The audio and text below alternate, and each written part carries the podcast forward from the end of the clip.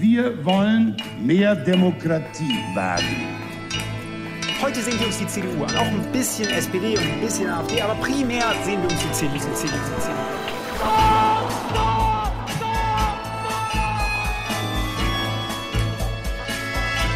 Niemand hat die Absicht, eine Mauer zu errichten. Ich weiß, ich habe heute Morgen in den Spiegel geguckt und dachte, wer ist denn die Hotte Bitch? Werden schon in wenigen Jahren blühende Landschaften, blühende Landschaften geworden sein. Früher waren wir Lametta. Wir haben so vieles geschafft, wir schaffen das.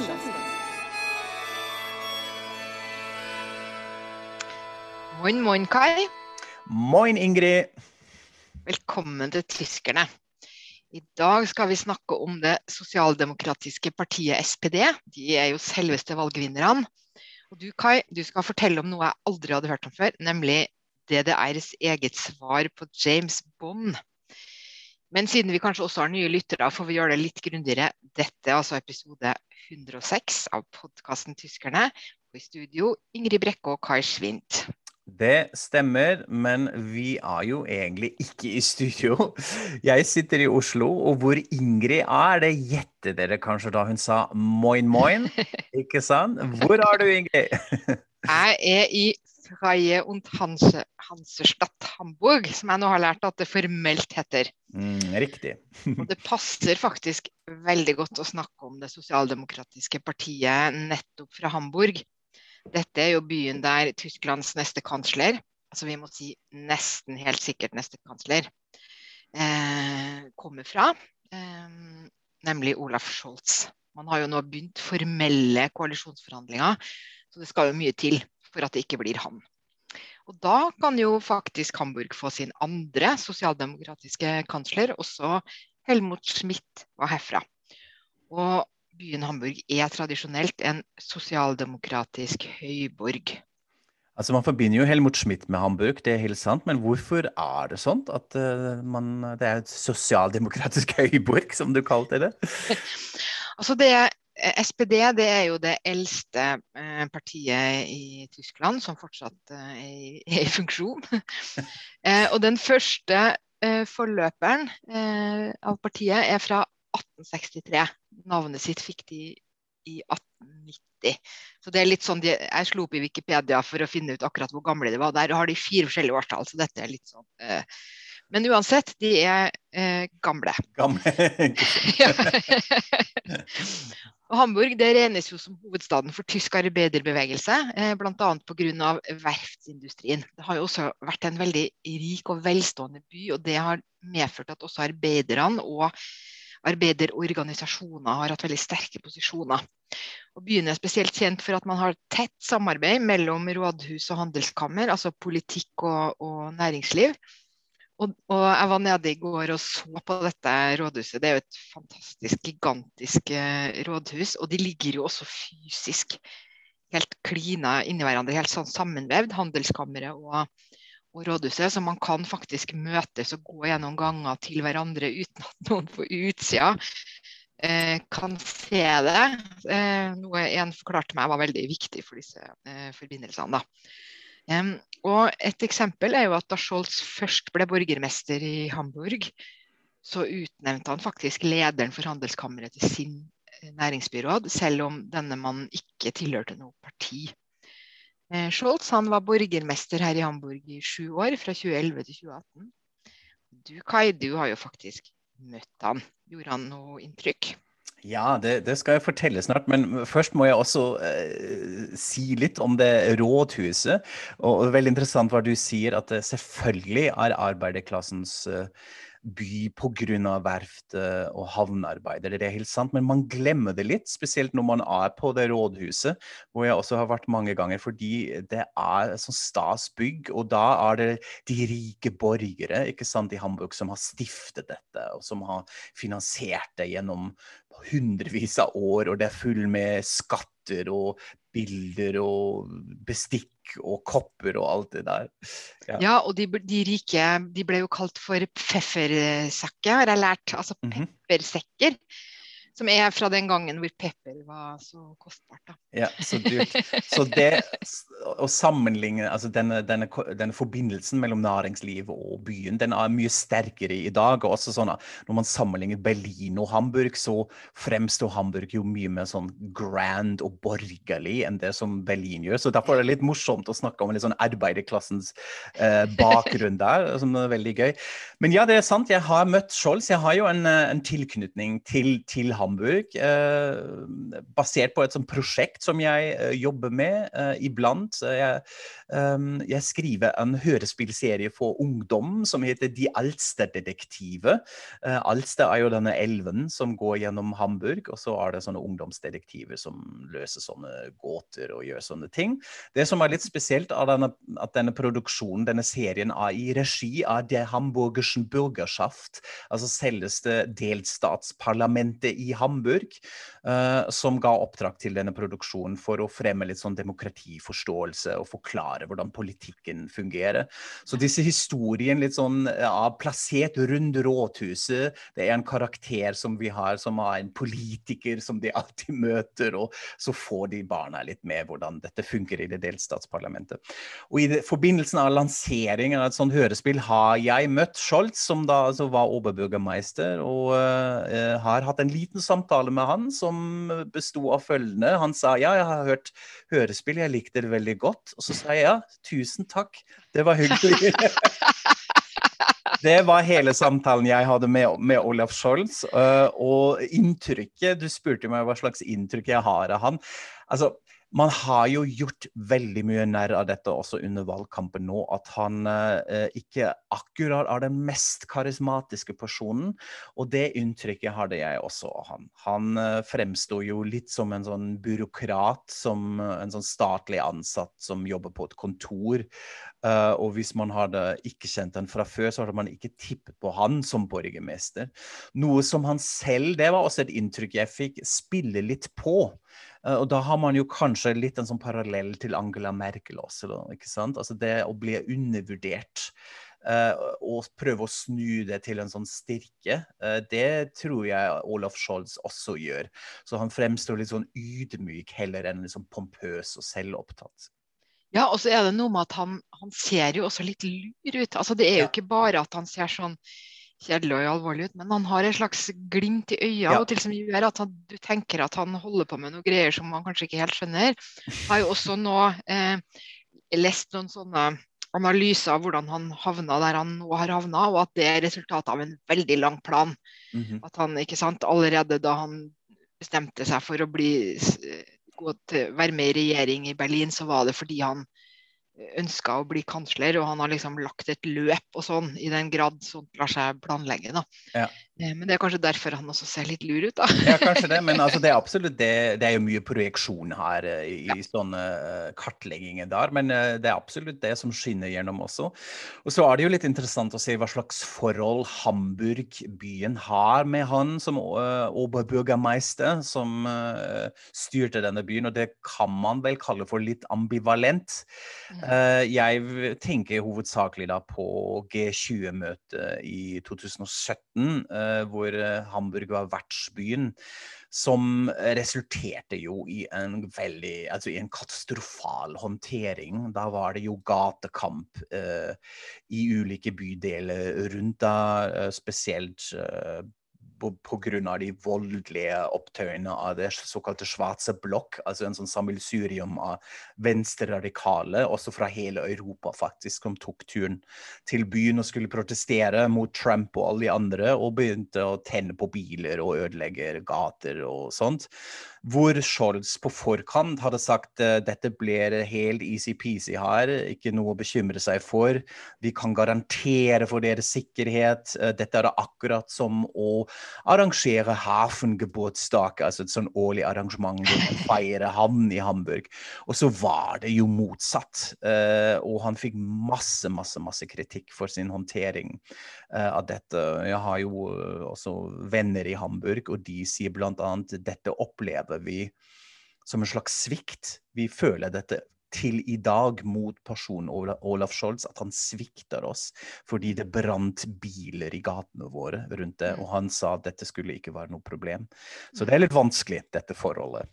Ja, nei, jeg møtte jo også faktisk en, en hamburger, som det jo kalles, i går, som sa akkurat det at, eh, at når jeg spurte om hva slags rykte Scholz har, eh, har i, i, byen. Og så sa han at uh, han personlig kommer aldri til å tilgi Scholz dette. Og det at han uh, at byen han, Det å oppleve at byen hans føltes som den var i borgerkrig, det glemmer man ikke så lett. Så jeg ble nesten litt sånn rystet uh, over hvor dypt dette tydeligvis stikker hos folk. Men det er jo noe annet. altså En ting er å se det på TV, og noe annet er alltid å være der det skjer.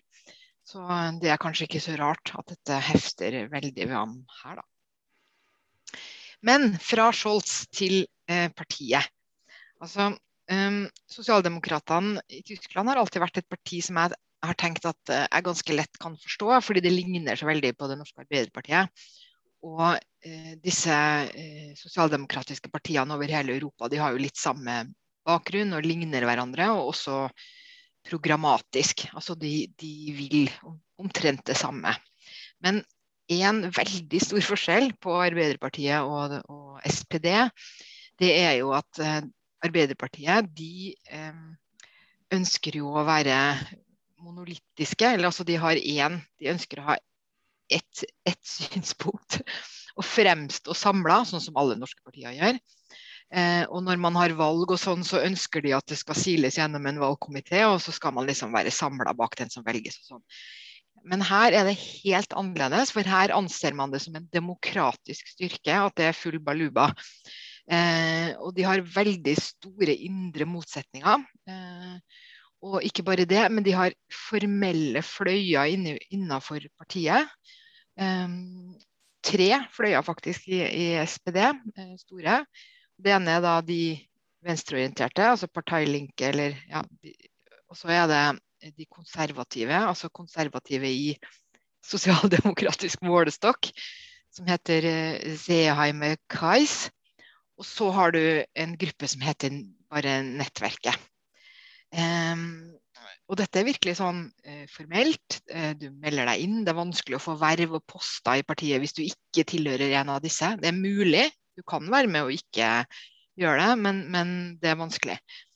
Um, sånn at uh, dette er noe som bare hele tida pågår. Og det er mest knytta til fraksjonen i forbundsdagen, men også litt utover i, i landet og i, i delstatspolitikken, så, sånn som jeg. Dette er litt min tolkning av dette jeg har fanga opp. Uh, har nettopp begynt å fascinere, dette har nettopp begynt å fascinere meg, så jeg er litt sånn oh, gøy. Det er jo også litt, litt, spennende, også fordi det imaget man har av SPD, og som de også egentlig gjør et nummer av selv iblant, av at de er kranglepartiet. ikke sant? Det er det mm. Å, herregud, her kommer SPD igjen, og det er en stor krangling ut i medier som alle skal se på, og uh, som mange har tolket. ok, Det er altså det som har ført til at de ble svikta så mye, at, man, uh, at de ikke har klart seg så bra. Fordi det er så synlig, disse interne motsetninger som du beskriver det om. Så det, ja. det, er helt sant. Det er et helt riktig inntrykk, vil jeg si. Man, ja. Mm. ja, og så er det jo nettopp det at de, altså et stort skille man opererer med i tysk politikk, det er jo at noen partier er programpartier, og det er jo SPD.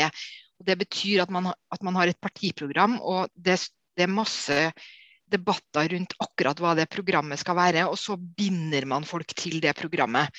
Og det, det, som er det veldig rare, er jo at CDO, altså Kristelig Demokratene, de er ikke et programparti. De, de, der kan lederne gjøre nesten hva de vil, så lenge det er populært og de får av kansleren. ikke sant? Og det er en forklaring på hvorfor de er i så dyp krise nå.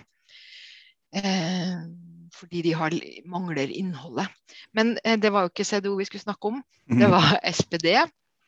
Og jeg tenkte jeg bare skulle dra kort disse, eh, historien til disse tre fløyene. fordi at historisk så ble denne eh, konservative grupperinga CHM Kais den ble danna i 1974 og kom egentlig som en reaksjon at pga. 68-opprøret og alt det som skjedde eh, rundt 1970 og, og, og sånn, så ble Josos ungdomspartiet veldig radikale, og, og, en del av partiet ble veldig, gikk sterkt til venstre.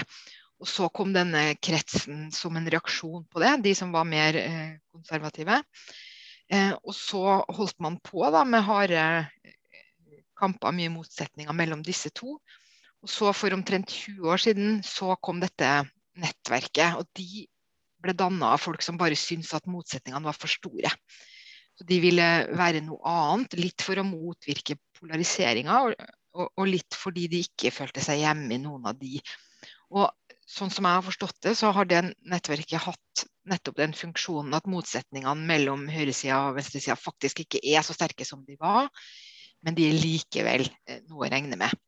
Og Det kunne man jo se da, ved at uh, Olaf Scholz, som jo regnes uh, som å tilhøre høyresida, ikke ble valgt til partileder fordi han hadde venstrefløyen mot seg. Så partilederne er, tilhører venstrefløyen. Mens da han skulle stille som kanslerkandidat og drive valgkamp, så lyktes han jo nettopp fordi han fikk også venstrefløyen med på laget. De, de førte jo en fantastisk profesjonell og suksessrik valgkamp hvor alle bare var, dro i samme retning. Ikke noe, ikke noe tull. Men det som blir spennende nå, det er jo om han møter motstand fra venstrefløyen fremover i, den, i prosessen der man skal danne regjering, eh, og ikke minst i regjering. Og en grunn til å tenke at det kan bli en del styr, det er jo at fraksjon, fraksjonen i forbundsdagen har blitt en god del yngre og mer radikal. Det er veldig mange fra uh, Jusos der. Jeg mener å huske at det var 50 fra ungdomsorganisasjonen som kom inn. Og også veldig spennende er det jo at den, mest, den viktigste personen eh, fra denne venstrefløyen, det er jo faktisk ikke de to partilederne, men det er Kevin Kühnert. Vi har snakka litt om han før. Han var jo leder for Jusos. Um, ble regna som den mektigste Jusos-lederen på mange tiår. Nå er han ikke det, men han har sterk innflytelse og blir nærmest dyrka av denne venstresida.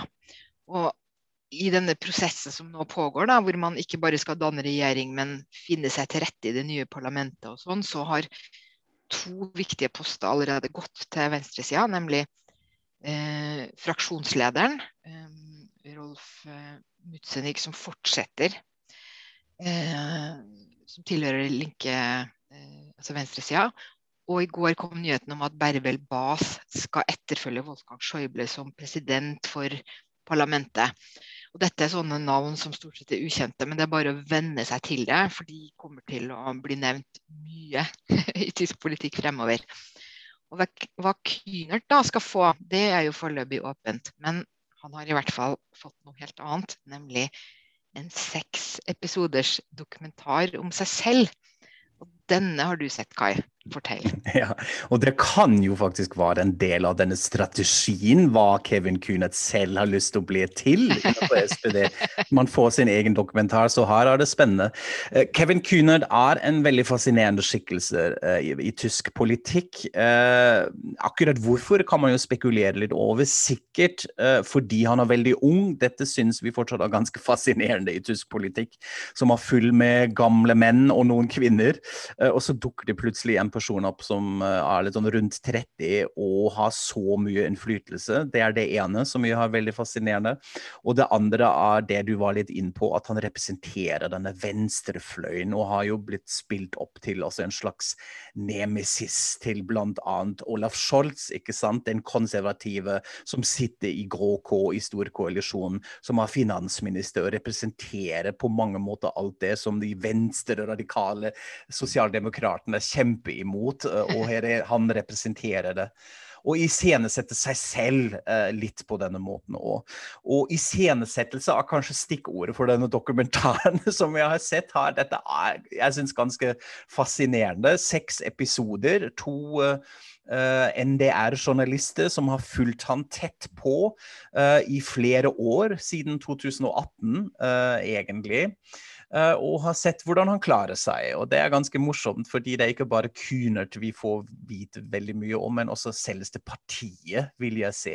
I første episoden, den begynner på 28. oktober 2018, akkurat da resultatene til delstatsvalget i Hessen kommer inn. Og vi er på kontoret til Kunert, og de ser på det resultatet hvor altså SPD tapte zweistellig, altså tosifra, gigantisk tap helt på bunnen. Uh, og man ser det i ansiktene til alle i det rommet. Altså her er det noe som ikke fungerer. Vi må uh, begynne å forandre uh, tempo, kursretning, hva, hva, det nok er. Og så er det det som serien gjør. Man følger han gjennom da de neste årene mellom europavalget, hvor jo SPD igjen gjør et elendig valg, og som konsekvens går jo Andrea Nales, partilederen, av helt til da i siste episoden forberedelse og resultatet av forbundsdagsvalget nå nylig. Så man er med i denne oppsvingen eh, til SPD, som mange også mener Kunert har noe å gjøre med, rett og slett ved å samle manipulere, jobbe litt i kulissene eh, eh og, og, sette partiet på kurs, som det blir sagt. Setter de på en sånn felleslinje og nettopp jobber litt imot det kranglepartiet-imaget, men stå samlet. Uh, ja. ja. ja det, men det er jo noe av det som er nesten litt sånn vanskelig å skjønne. ikke sant? Det, hvordan kom man dit? Altså, Hva er det som gjør at han For han, han er liksom leder for ungdomspartiet, og så har han den posisjonen. Ja. Men det må være et eller annet med, med sånn timing verden rundt, det at de sitter i Groko og visner, og så er han en slags ny kraft, da, eller noe? Ja, det er det. Og så har man jo litt det uh, som, som, den dokumentaren illustrerer også. Han er uh, en god taler. Han har, han har, selv om han er kanskje litt sånn Han er litt liten, han er litt ung og sånn, men når han går opp på den talerstolen, så er han Det er retoriske ferdigheter. Han klarer å engasjere en sal. Eh, han snakker både litt sånn ideologisk, men også folkelig samtidig. Og det, det, er et eller annet som fungerer med han som en sånn politisk aktør, som jeg tror også veldig appellerende for partiet selv, i hvert fall for én mm. del. Mens andre blir ganske redde kanskje når de hører han snakke. Så det er spennende å se med den dokumentaren. Man kommer rett og slett utrolig tett på. Vi er veldig mye på kontoret hans eh, i Willy Brandt-hus, altså i partisentralen til SPD. Vi ble kjent med staven hans. Hva han mener om kollegaer, det er veldig gøy. Iblant litt sånn, sier han jo litt sånn ironiske, snarky, nedlatende ting om kjente folk, blant annet veldig mye mye om Olaf Scholz, og det er med uh, i, i, filmen. Hvordan, håndtere, uh, hvordan han håndterer mediene. Det er f.eks. en sånn Spiegel-journalist som uh, får lov å være ganske tett på, og han dukker opp iblant, og så ser man litt hvordan de snakker sammen. Sånne fortrolige samtaler som blir filmet, hvor uh, Kunert liker informasjon, og Spiegelen får litt sånn uh, smuler av det som kanskje også er denne Kunert-strategien. Uh, og man ser hvor mektig han er som leder, først av de Josos, altså ungdomspartiene. Uh, Eh, F.eks. da han også skal være med og bestemme hvem som skulle bli den nye ledelsesduoen innenfor SPD. Og dette er jo kanskje det mest spennende av den dokumentaren. Uh, dette er jo Saskia Esken og Norbert Walter Boyens, altså de som faktisk ble til duo etter hvert, som kunne uh, støtta fra begynnelsen. Som uh, i motsetning til Olaf Scholz, som også var kandidat for den mannlige parten av, denne duoen. ja. Nei, for Det var jo et sånt, det var jo egentlig et veldig rart valg. for det var jo Etter Andrea ja. Nales, hva skulle de gjøre? Og så bestemte de seg for at for første gang skulle de stille som sånn dobbeltspitse, som også De grønne ja. har. Og så eh, kom det vel syv par, tror jeg til slutt. Alle var én mann og én dame. Ja. Og så eh, er jo da dette, de to som endte opp, altså Saskia Esken og, og Norbert Walter Borjans, det var da Kevin Kühnerts folk, og det ser man jo kjempetydelig. Ja, som han lanserte, og da er det spesielt én scene som har vekket veldig mye oppsikt, hvor han nemlig forbereder begge to rett før de skal gå inn i den siste presentasjonsrunden mot Scholz og kollega. Uh, og det er virkelig fascinerende å se på. Altså, da sier han til dem ok, det er det, det må, dette må dere si, dere må være glade, Saskia, du må smile, smile litt. Og så sitter disse to godt voksne mennesker da og tar notater, mens han veldig unge mannen uh, sitter og prepper dem og forklarer hvordan dette skulle foregå. Uh, og så uh, funker det jo. De ble valgt til slutt. og så er det veldig interessant å se hva han da igjen sier om dem når de ikke er til stede. Da sier han om Saskia Esken ja. Hun, eh, vi kommer til å ha det veldig gøy med henne, og det er da helt tydelig ironisk ment. Eh, det vil si hun kommer til å bli vanskelig, men det er bra. Vi, vi, det er mye vi skal få til med henne og Norbert. Så da du, får du det imaget av det som uh, han blir kalt ofte nemlig for å være en slags strippenside. Altså en person som Ja, hvordan sier man det på norsk? Har dere et ord for dette? Ja, kanskje hva man ville si edderkopp. Altså den som mhm. sitter og trekker i trådene ja. bak kulissene. I bak kulissene. Han ja. som spin doctor, eller nei, det er noe annet. Men altså, en, ja, en sånn player i bakgrunnen. Så jeg syns jo det er en ganske spennende dokumentar. Kanskje hovedsakelig fordi man ser forandringen av Kunet selv. Uh, at han blir mer og mer til det vi kaller for en behovspolitiker, altså en yrkespolitiker. Eh, som på den ene siden er veldig gøy å se. Han er jo utrolig smart. Han er utrolig retorisk versert når han snakker. Um, jeg liker også da spesielt hvordan han klarer å retolke ganske sånne betente begreper innenfor den politiske diskursen, og da også innenfor SPD. F.eks. hans definisjon av sosialisme. Uh, dette ble jo brukt av motsiden veldig ofte. Dere er uh, Zotzen, sosser, ikke sant, og som vil ha DDR. Og da uh, svarer han utrolig smart, syns jeg. Men på den andre siden så er det også litt skuffende og kanskje nesten litt skummelt å se hvordan han blir mer og mer til en ja, en maktpolitiker, en slags player, som må først og fremst navigere den interne partipolitikken. Så han har fått en mye sånn kaldere, kanskje litt mer kynisk varemåte eh, i de siste episodene, da, de siste to. Uh, som gjør det litt sånn både og. Man vet at han kommer til å spille en rolle fremover, men nå blir man litt mer usikker hvor godt dette egentlig er etter hvert. En veldig fascinerende dokumentar. Du har jo sett den òg, hva syns du? Nei, jeg er nok ikke like begeistra som deg. Jeg syns mm -hmm. den var litt eh, rar, eller Det er et eller annet med at man, kameraet ligger sånn oppi ansiktet til Kynert nesten hele tida. Vi følger han så utrolig tett. Og så får vi egentlig ikke vite noe om hans person eller bakgrunn eller noe sånt. Det er hele tida dette spillet internt i partiet, men da bare fra denne ene synsvinkelen. Så jeg får sånn mytebyggingsfølelse. At det er på en måte eh, Dette er en slags sånn man, man, er med på å skape en politisk figur, da. Eh, men det er, det er, jo selvfølgelig fascinerende, og ikke minst det at eh, som du sa, det, altså hvordan han kan ha fått så stor innflytelse i så ung alder. Og bare det at denne dokumentaren overhodet fins. Altså at man for tre år siden så bestemte offentlig TV seg på at nå skal vi virkelig skyte inn ressurser. Det er jo en veldig ressurskrevende produksjon å ehm, lage dette her. Så eh, ja.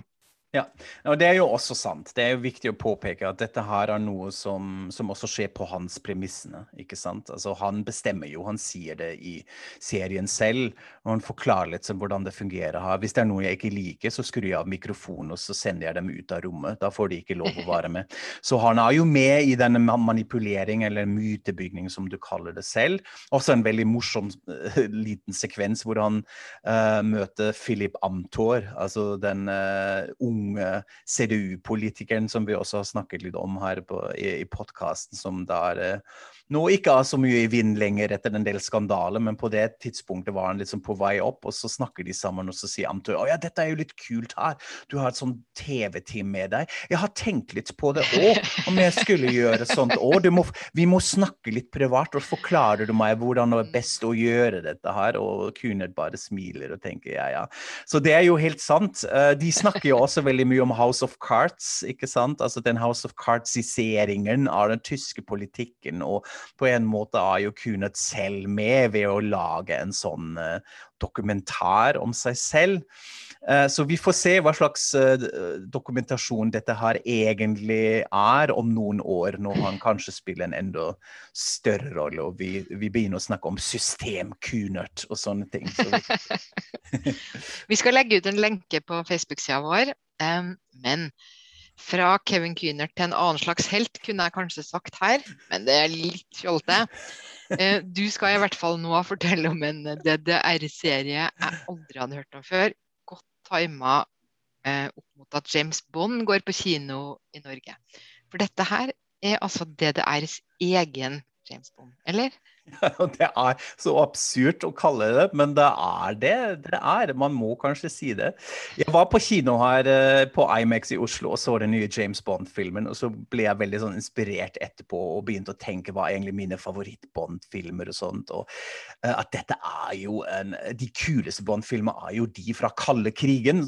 Uh, de første med Connery og så videre. Og så begynte jeg å google litt og lese litt, og så snubler jeg over det her. At altså er antagelig tydeligvis har lansert sin, sitt eget motsvar på dette uh, i form av en TV-serie Uh, produsert fra 1973 til 1979 av DDR-fjernsyn, med den fantastiske tittelen 'Das unsichtbare Visier'.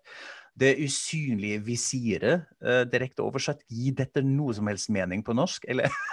Ja, det er jo, Visir er jo sånn Vi har jo brukt det i koronatiden, det her ja. skjermen du har foran ansiktet. da, så Det er jo det, det usynlige beskyttelsen, eller ja. det ja. Ja, da, da, gir det kanskje ja. mening også ja. på norsk.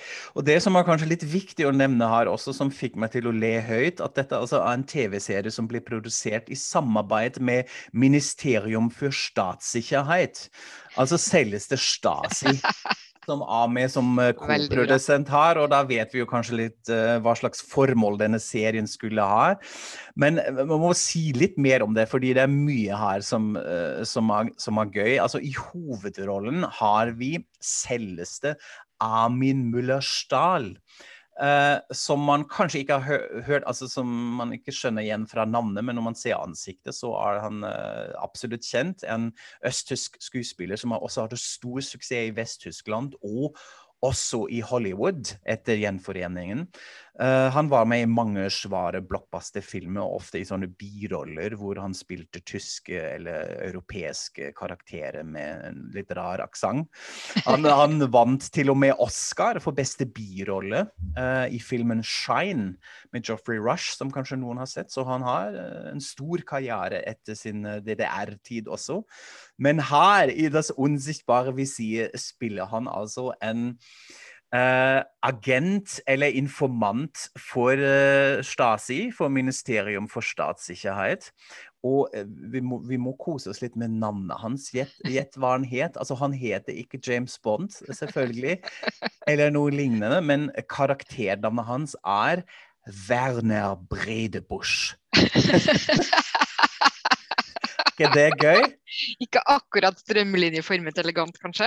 Nei, og ikke like, kanskje ikke like sexy som James Bond, med mindre det var akkurat det man syntes var sexy det det er. Så det er altså eh, rollenavn. Uh, serien spiller rett etter andre verdenskrig, eh, og Brede Busch er da en ekspilot som bestemmer seg for å flytte til DDR fordi denne ideologien, altså kommunismen, er selvfølgelig mye mer eh, tiltrekkende. dette vil han leve i, og så begynner han å jobbe for DDR uh, for Stasi som en agent, men, og det visste jeg ikke heller, veldig interessant, DDR kalte jo sine spioner og agenter ikke for det selv. Man hadde et annet begrep for det, og det er Kundschafter. Kundschafter des Friedens, til og med. OK, altså hva da? Bu, fredens budbærere, eller noe sånt? Ja, altså dette svinger jo litt med, men kundschaften betyr jo uh, også å utforske. Altså auskundschaften, Ah. uh, for eksempel. Så du har en sånn slags rar dobbeltbetydning her. Uh, også spesiell med, med å legge til des Friedens, altså fredens ut uh, auskundschaftere. altså her er det folk som skal jobbe i fredens navn, eller Ja. i fredens ånd. Og det er jo allerede en ganske sånn interessant retolkning av, av dette her. Så det er det han gjør. Eh, han gjør. Werner Bredebusch skal eh, jobbe i Vesten, eh, i Vest-Tyskland og i andre land, og jager fascister og nazis, eks-nazis, i DDRs navn, i oppdrag fra DDR. Og så får han en sånn eh, cover-up-identitet og er eh, opererer som Achim Detjen, en businessmann fra Hamburg. Uh, det er hans undercover-identitet, og så reiser han verden rundt og, og jager nazis. Ja. Men de kunne jo ikke filme det i verden, eller hvordan? Og det, det er det andre som var litt morsomt. Jeg har sett en episode, episode tre, som da spiller i Vest-Tyskland på et sånt slott, og så er det helt tydelig at det ikke er Vest-Tyskland. Altså det, det ble spilt inn i Turingen, har jeg lest meg opp til. Og det samme gjelder også disse episodene hvor, de er, hvor han er i Sør-Amerika, f.eks. Og sånn. Da er de selvfølgelig et sted i østblokk i Jugoslavia eller sånn, og spiller Ja. de scenene inn der. Uh, så her må DDR uh, ja, fremstilles som ulike land, eh, og det er ikke så mange exterior shots eh, sånn utenfor. Det foregår veldig mye på kontorer og ulike bygg osv. Det er heller ikke har ikke samme sving som James Bond. Eh, han ligger jo med litt sånn random damer og sånn, men forsøk på litt action òg. Men det er mest sånn tøffe replikker det går på. Samtidig som man prøver å herme oppskrifter litt, og det gjelder jo også estetikken av serien, og da tenker jeg spesielt på musikk. Eh, dette syns jeg var veldig morsomt å høre på. Uh, F.eks. intromusikken, uh, vin selveste vignetten til Das unsichtbare visir, som tydeligvis prøve å kopiere det Bond-oppskriftet. Her er det sånn stor big band-arrangement og orkester som, som spiller litt sånn i samme stilen. Og vi kan jo gjerne høre på denne introlåten eh, her, og legge spesielt merke til, til de siste akkordene da på slutten. Det vil jeg si er liksom direkte tatt fra Bond-universet.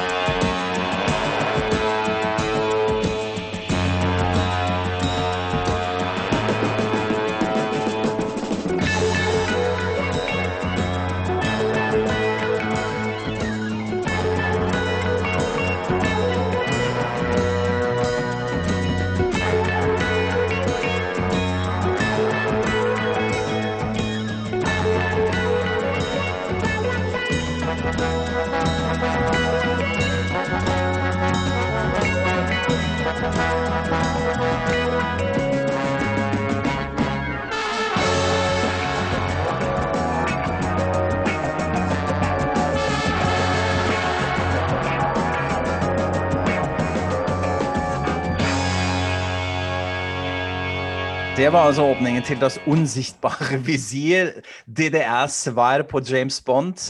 Og, og den kan faktisk ses på YouTube. Det er ikke alle episoder som, som finnes der, men noen. Uh, og vi kan også gjerne lenke til den jeg har sett, episode tre, Das Wasserschloss. Kan dere kose dere med det? Da setter vi punktum for eh, dagens episode. Og jeg skal være enda noen dager til i vakre Hamburg. Jeg har f.eks. lært at 92% av byen Hamburg er og 8% vann. Så mye elv og kanal eh, er det her. Og hvis dere har lyst til å vite litt mer om hva jeg opplever, og kanskje få noen reisetips fra byen, så er det bare å støtte oss på Patrion. Der deler jeg bilder og skriver litt eh, tekster om hva jeg opplever. Takk for oss, og auf Wiederhøen. Auf Wiederhören!